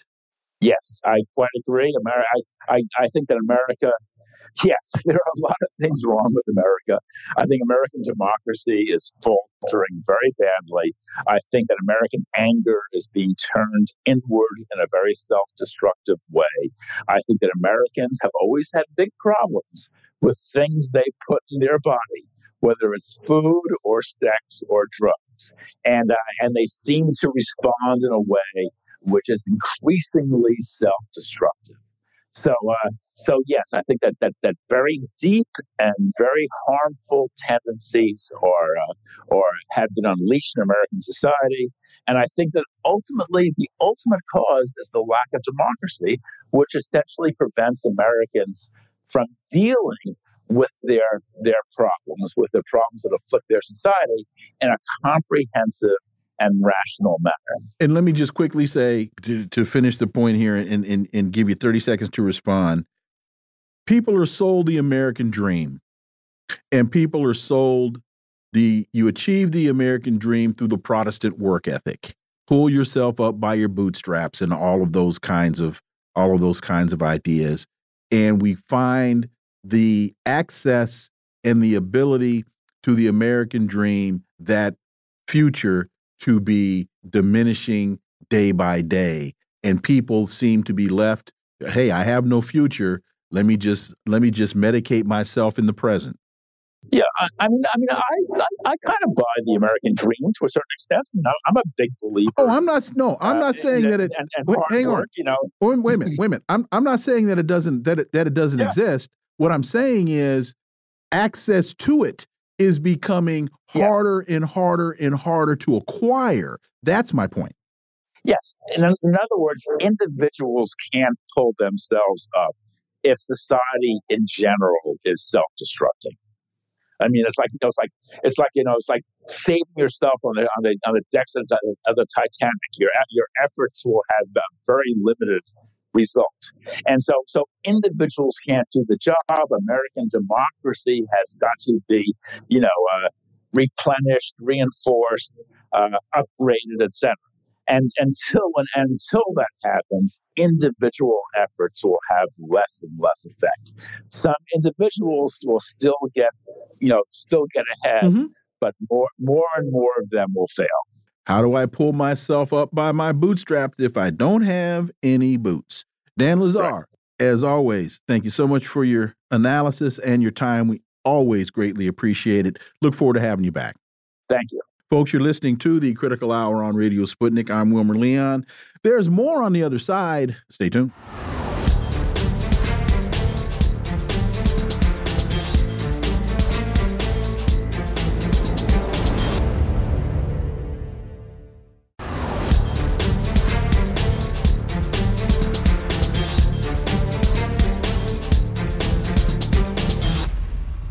I'm back, and you're listening to the Critical Hour on Radio Sputnik. I'm Wilmer Leon. Huffington Post has a piece entitled How a Deeply Controversial White House Advisor is Running the Agenda on Gaza. Brett McGurk has sought to put a Saudi Israeli relationship at the forefront of the U.S.'s Middle East policy, downplaying Palestinian concerns and human rights. What does this tell us about American foreign policy? For insight, let's turn to my next guest. He's an international geopolitical consultant, global speaker, author, veteran, and former international security analyst in Washington, D.C. He's the founder of Global Perspective Consulting, which is headquartered in Dallas, Texas. He is Dr. David Oualaalou. As always, welcome back. Pleasure to be with you, Wilmer. So the piece continues Four men in Washington shape American policy in the Middle East. Three are obvious Biden, Secretary of State Blinken, and National Security Advisor Jake Sullivan.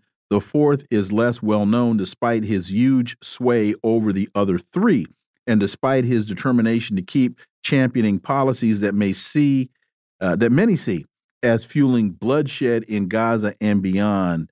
Dr. David Oualaalou, your thoughts on this assessment and any personal um, anecdotes that you might have regarding Brett McGurk? Well, it's a it's a very complicated when it comes down to the Middle East policies. Usually, what we see or what the American citizen sees as far as the who's at the front, it's uh, never been the case that those at the front are the one making decisions. Those are nothing but just reading the script, basically.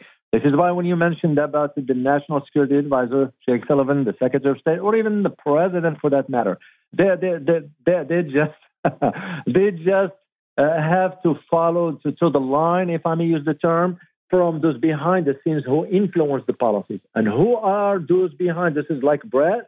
Because he will be he, he will be uh, sort of acting on behalf of the uh, lobbyists of those interests in maintaining this relationship with the Saudis for the sake of you know selling the weapons, uh, having access to oil, and so forth. There is another element to all this that is not being brought uh, to the fore. It has to do with the shifting now of the Saudis towards China. It's something we do not like. It's something we do not want. And the big concern we have with that is specifically what just happened last week with the Chinese and the Saudis agreeing to swap their currencies, which to me, as a geopolitical analyst, indicates to me trouble for the petrodollar moving forward. Your thoughts on the the focus of this particular piece on Brett McGurk because it tends to make him out to be the boogeyman. That he's, in fact, it says, um, it says he crafts the options that Biden considers on issues from negotiations with Israel to weapon sales to Saudi Arabia. He controls whether global affairs experts within the government, including more experienced staff at the Pentagon and the State Department, can, can have any impact. He decides. And then, and then they, they contrast that with what they call the more uh, consultative way in which past administrations made decisions. Do you buy this? It's on him, and that he basically is the mastermind pulling the switches behind the curtain or is this for, are they targeting him uh, unnecessarily? And, and and not to say he's not an important player, but they make him out to be this is the guy that tells everybody else what to do. Well, uh, uh, well, I won't buy this argument from what they are writing about. You know, he doesn't call the shots. Basically, whoever's calling the shots now wants to ensure that they, he's been thrown under the bus per se, uh, but not to the point of diminishing its in, his entire involvement. You know, he probably will have some sort of a, a basic influence, if I may use the term, but not to the extent the article portrays. So, inflating his role to that point. Usually, who's behind it? It will be the influencer, the lobbyists, the groups that, including some former members of Congress like Norm Coleman, who happens to be a lobbyist for the Saudis in Washington. So those will be the elements. Some elements of the neocons will be part of that. Of course, the American military industrial complex, representatives of that. Uh, but for him to be given this uh, sort of grandiose role, no, I won't buy that argument. As one who works inside Washington, they are always the hidden hand that you will never know about. Uh, there's an interesting piece. Erdogan says Netanyahu will be tried as a war criminal. Turkish President Erdogan said today that Netanyahu will be tried um, over Israel's ongoing offensive in Gaza. And his comments came during a speech at a meeting of an organization of Islamic cooperation in Istanbul. And I focused on this not so much because of what Erdogan said, because he says all kinds of stuff and and he's a hard he's a hard guy to trust because he's always playing both sides against the middle but the fact that this point was articulated at a organization of islamic cooperation it, it just it just makes me wonder how much if any traction is a conversation of this nature going to get particularly in the region Well, I will give it the term uh, sensationalism, uh, Wilmer. Okay. That's how I look at it Mm-hmm. because mm -hmm. when you look at the history of Erdogan, politically speaking, now if there is a conflict, hypothetically, let's just let's just for your for the sake of uh, uh, uh, analogy here, let's just say there is a problem with Cyprus. What the Turkey is going to do? They're going to deploy their troops, right? Mm-hmm. You know, it's the same argument they've been saying, well, we're going to have to do this to Israel, we're going to have to do that, we're going to have to war crimes and so forth, which is nothing but hype because Erdogan will have to think about his political future given the upcoming elections, but also they have to think about what's going on within the Arab Muslim world that Turkey does not want to lose its spot vis a vis Saudi Arabia or Iran for that matter. I mean, as one who speaks the language and understands the culture and have been there in the Middle East. What you're hearing now, you're hearing about groups like the Houthis, what you're hearing about groups like Hezbollah. You know, where is Saudi Arabia in all this? Where is United Arab Emirates? Where is Turkey with all the massive weapons? And most Arab uh, uh, individuals in the streets are saying, what the heck? Why aren't they coming to really act instead of just talk? This is where Erdogan's coming from. It's an opportunity, it's a platform uh, for the Muslim world to appear that we stand with the Palestinians. Yes, we stand with them in, in terms, but in, in action, that's when you find out. And this doesn't apply just to Turkey, other Arab countries do the same. Sputnik International reports U.S. may lose arms race with China due to budget gridlock. The spending plans in the U.S. Congress are frequently subject to intense scrutiny, primarily as a result of political factionalism. This often poses a significant obstacle for the Pentagon. This struck me as last week there were reports about uh, China's ability to track the stealth bomber, uh, that they that that they're uh, they have developed uh, hypersonic missiles and, and all types of other weaponry, and Russia on the same trajectory. And so th this this piece struck me uh, in in in in that regard. Uh, your thoughts, Doctor uh, Oualaalou? Well, there is one aspect to that, which is the hypersonic programs. Uh, now, let's just uh, state the facts as they are, or as we know them as of today.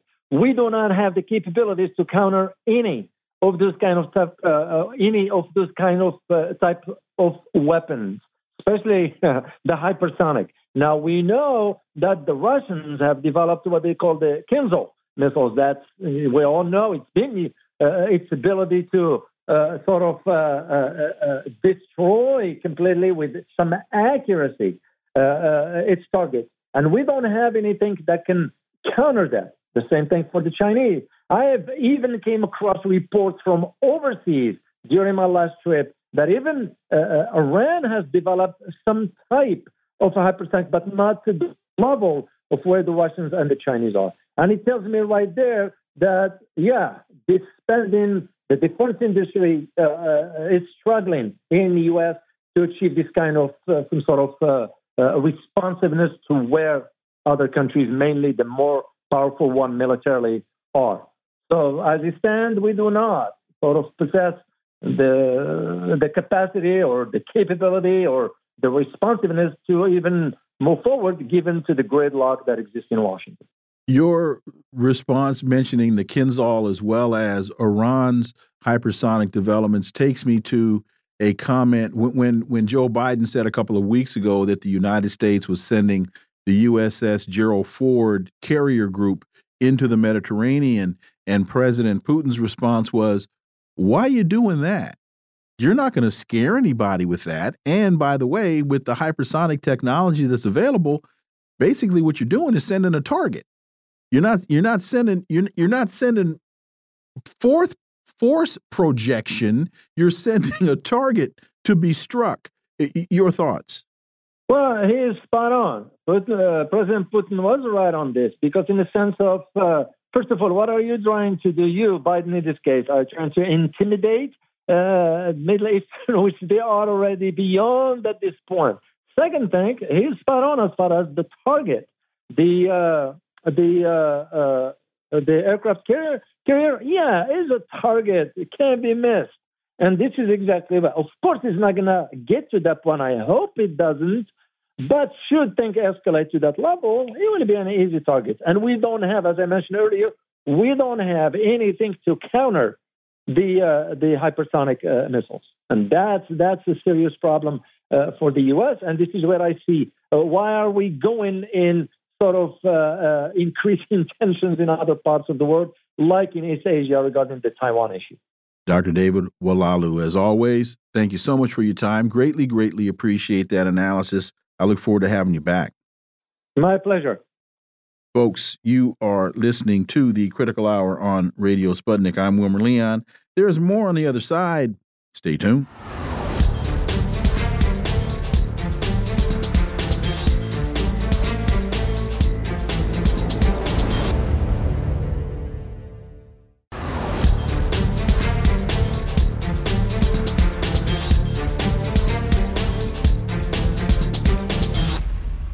I'm back, and you're listening to the Critical Hour on Radio Sputnik. I'm Wilmer Leon. Ousted propaganda scholar Joan Donovan accuses Harvard of bowing to Meta. In a whistleblower complaint, she breaks her silence over events that unsettled other misinformation researchers. For insight into this, let's turn to my next guest. She's a political commentator and podcast host of The Misty Winston Show. And that means it must be Misty Winston. As always, hey. welcome back. Thanks, Wilmer. Thanks for having me. So, a prominent disinformation scholar has accused Harvard of dismissing her to curry favor with Facebook and its current and former executives in violation of her right to free speech. She claims in a filing with the Education Department as well as the Massachusetts Attorney General that her superiors soured on her as Harvard was getting a record $500 million pledge from Meta founder Mark Zuckerberg's charitable arm. Your thoughts, Misty Winston? Well, I'm very conflicted about this story, actually. First of all, I love whistleblowers. I think we need more whistleblowers. Um, I have no doubt that Facebook is incredibly corrupt and uh, is willing to buy off anybody and everybody to further their own interests. However, what the heck is a disinformation uh, expert? I think you know what I mean. Like that's the whole um, uh, this this whole disinformation thing. Nobody is yet. I've yet to hear somebody accurately define what it is. the The definition seems to be very fluid. It seems to be uh, just what disinformation is. Whatever the the establishment doesn't want us to hear. So, um, uh, yeah, I'm very conflicted about this story. It's not surprising though that Facebook would potentially uh, pay off Harvard uh, to you know further their own agenda, but who knows? It says that last year the school's dean told her that he was winding down her main project and that she should stop fundraising for it. And now, and then this year, the school eliminated her position uh, to your latter point, a lot of this sounds like maybe Harvard was asking the same question that you're asking. Uh, what are we getting for our money? Exactly. This is a uh, it's a made up field, right? There, uh, you can't be an expert on something that nobody can define. I think that that's a ridiculous premise to begin with. But also, she claims that this was, uh, you know, this surprise firing that she was just completely taken off guard. But it says right here that last year the dean told her that, hey, we're going to wind down your project, stop fundraising for it. So she's trying to claim that this firing came on the heels of this massive donation from Facebook, and it may very well be connected. I don't know, but it seems to me like the dean was very clear about, um, you know, we're going to wind down your stuff uh, as, as as late as last year. So I'm not really sure that she can make that connection legally.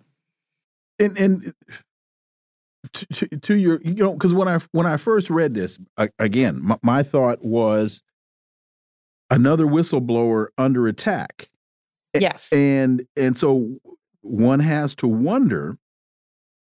Uh, one, one has to wonder is she is she playing to the thread of whistleblowers being under attack and trying to take advantage of that? Or is there really something substantive to her claim? I don't see that's the thing is I don't think that there really is anything substantive to her claim. Not that again, not that Facebook is above uh, paying off Harvard to further their own agenda. Of course they would. They have before. Um, uh, maybe not Harvard, but I mean that we we know that they've done similar things in the past. However, um, she's claiming that she was just caught off guard by this firing, and in this article, she and she admits to it too that even as late as last year, uh, she was being told to wind down her project because they were no longer going to be fundraising for it. So um, I think that honestly, uh, she probably sees herself as a whistleblower. She probably genuinely feels slighted. I think that that's uh, probably accurate. I don't think that there's any like malintent here, uh, but I think that yeah, she's just kind of jumping on that whistleblower being a. And you're, uh, I had the same exact reaction too because I am a huge fan of whistleblowers. Um, I think people who are courageous enough to come forward and expose uh, corruption in any form, in any whether it's governmental or corporate or whatever it is, uh, we need more of that. And so I, initially, uh, when I started reading the story, my first instinct was, oh, here we go again, another whistleblower is going to be under attack.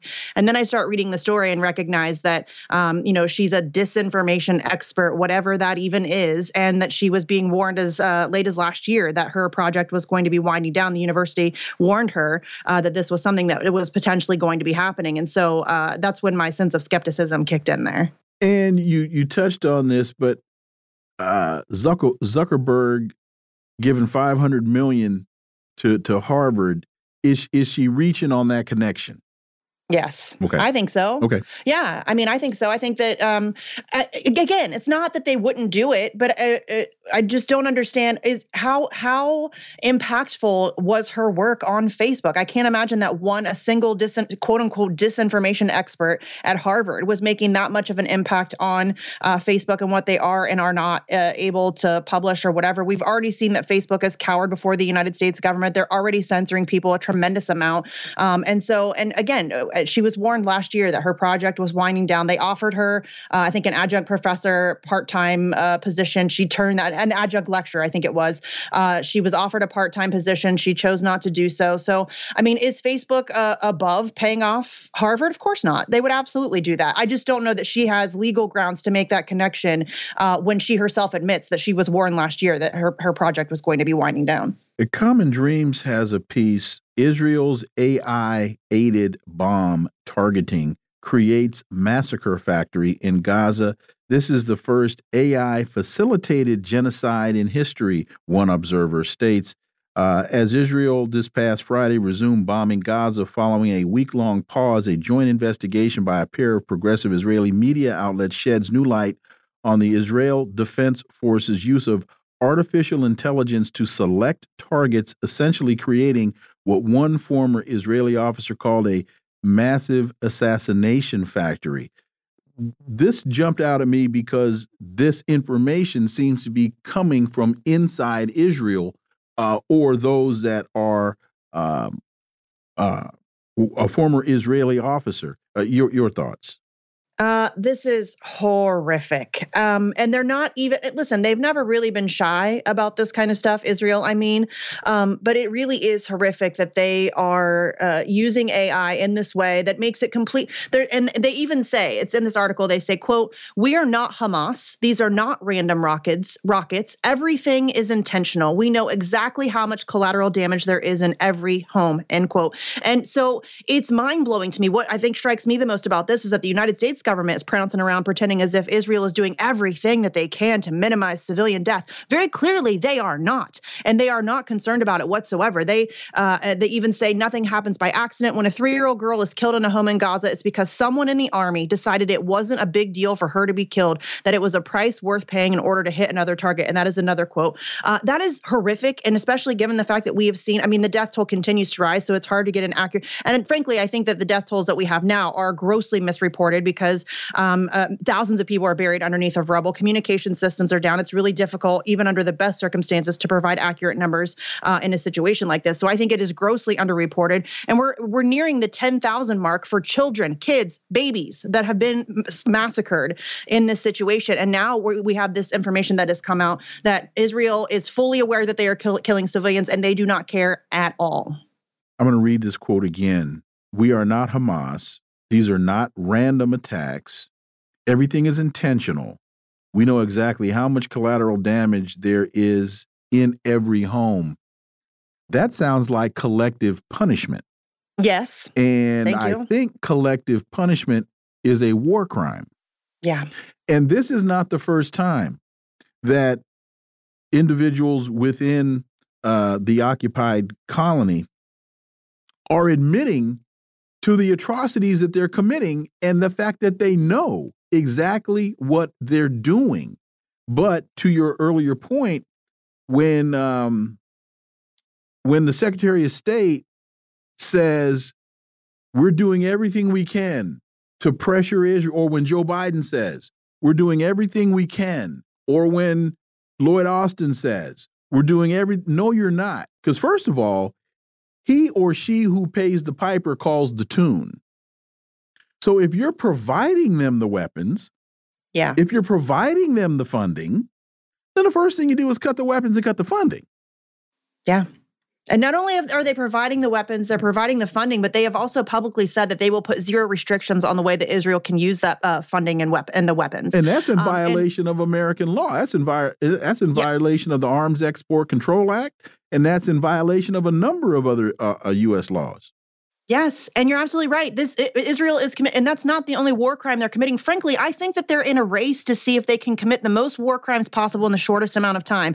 Uh, they're very clearly, in my opinion, targeting medical facilities. They're targeting women and children. They're targeting journalists. There's a reason for that. They're committing a genocide. They want to shut down. First of all, they want to attack women and children, the people who birth the future and the future. They want to attack medical facilities and medical care providers because they want to make sure that even those that they just injure uh, have very little chance of surviving. And then they also want to attack journalists because they want to be able to do all of these things uh, with very the, the, least amount of people uh, uh, with eyes on it as possible. And I think that it is it is so unbelievably apparent and clear what is going on here. And the idea that nobody has stepped forward to do anything about this, that nobody has gone to uh, the ICC or the World Court or any of these things. Call, I mean, somebody needs to invoke the uh, Genocide Convention. Somebody needs to do something, and nobody is doing anything. And in fact, the West is aiding and abetting it every step of the way, and it is beyond despicable one reason this is in the Common Dreams piece. One reason for the staggering Palestinian civilian death toll over 15,000 as of December 1, most of them women and children, is Israel's use of a platform called Haborzah or Gospel, which is largely built on AI and can generate targets at what the report states is almost automatically at a rate that far exceeds what was previously possible a source interviewed said in the past, there were times in Gaza when we could create 50 targets per year. With the AI driven systems, it's possible to produce 100 targets in a single day. Yeah.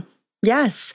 And again, there's no concern whatsoever at the number of civilian deaths that using something like this uh, results in. And in fact, they uh, a source in the article even admitted that quote this is often done to save time instead of doing a little more work to get a more accurate pinpointing end quote. So they're just worried about saving time. They don't I mean again, we're being fed this line that they're doing everything they can to prevent civilian casualties and that is just not true. And in fact, they are um, killing thousands of people uh, and, and, there's been a couple different attacks mm-hmm. where hundreds of Palestinians Palestinians were killed uh, to get one Hamas fighter. It is gross. Misty Winston, as always, thank you so much for your time. Greatly appreciate that analysis. Look forward to having you back. Thanks, Wilmer. Appreciate it. Folks, you've been listening to the Critical Hour here on Radio Sputnik. Thank you for allowing my voice into your space. I hope you were informed and enlightened. I look forward to talking with you all right here tomorrow on Radio Sputnik. Be safe. Peace and blessings. I'm out.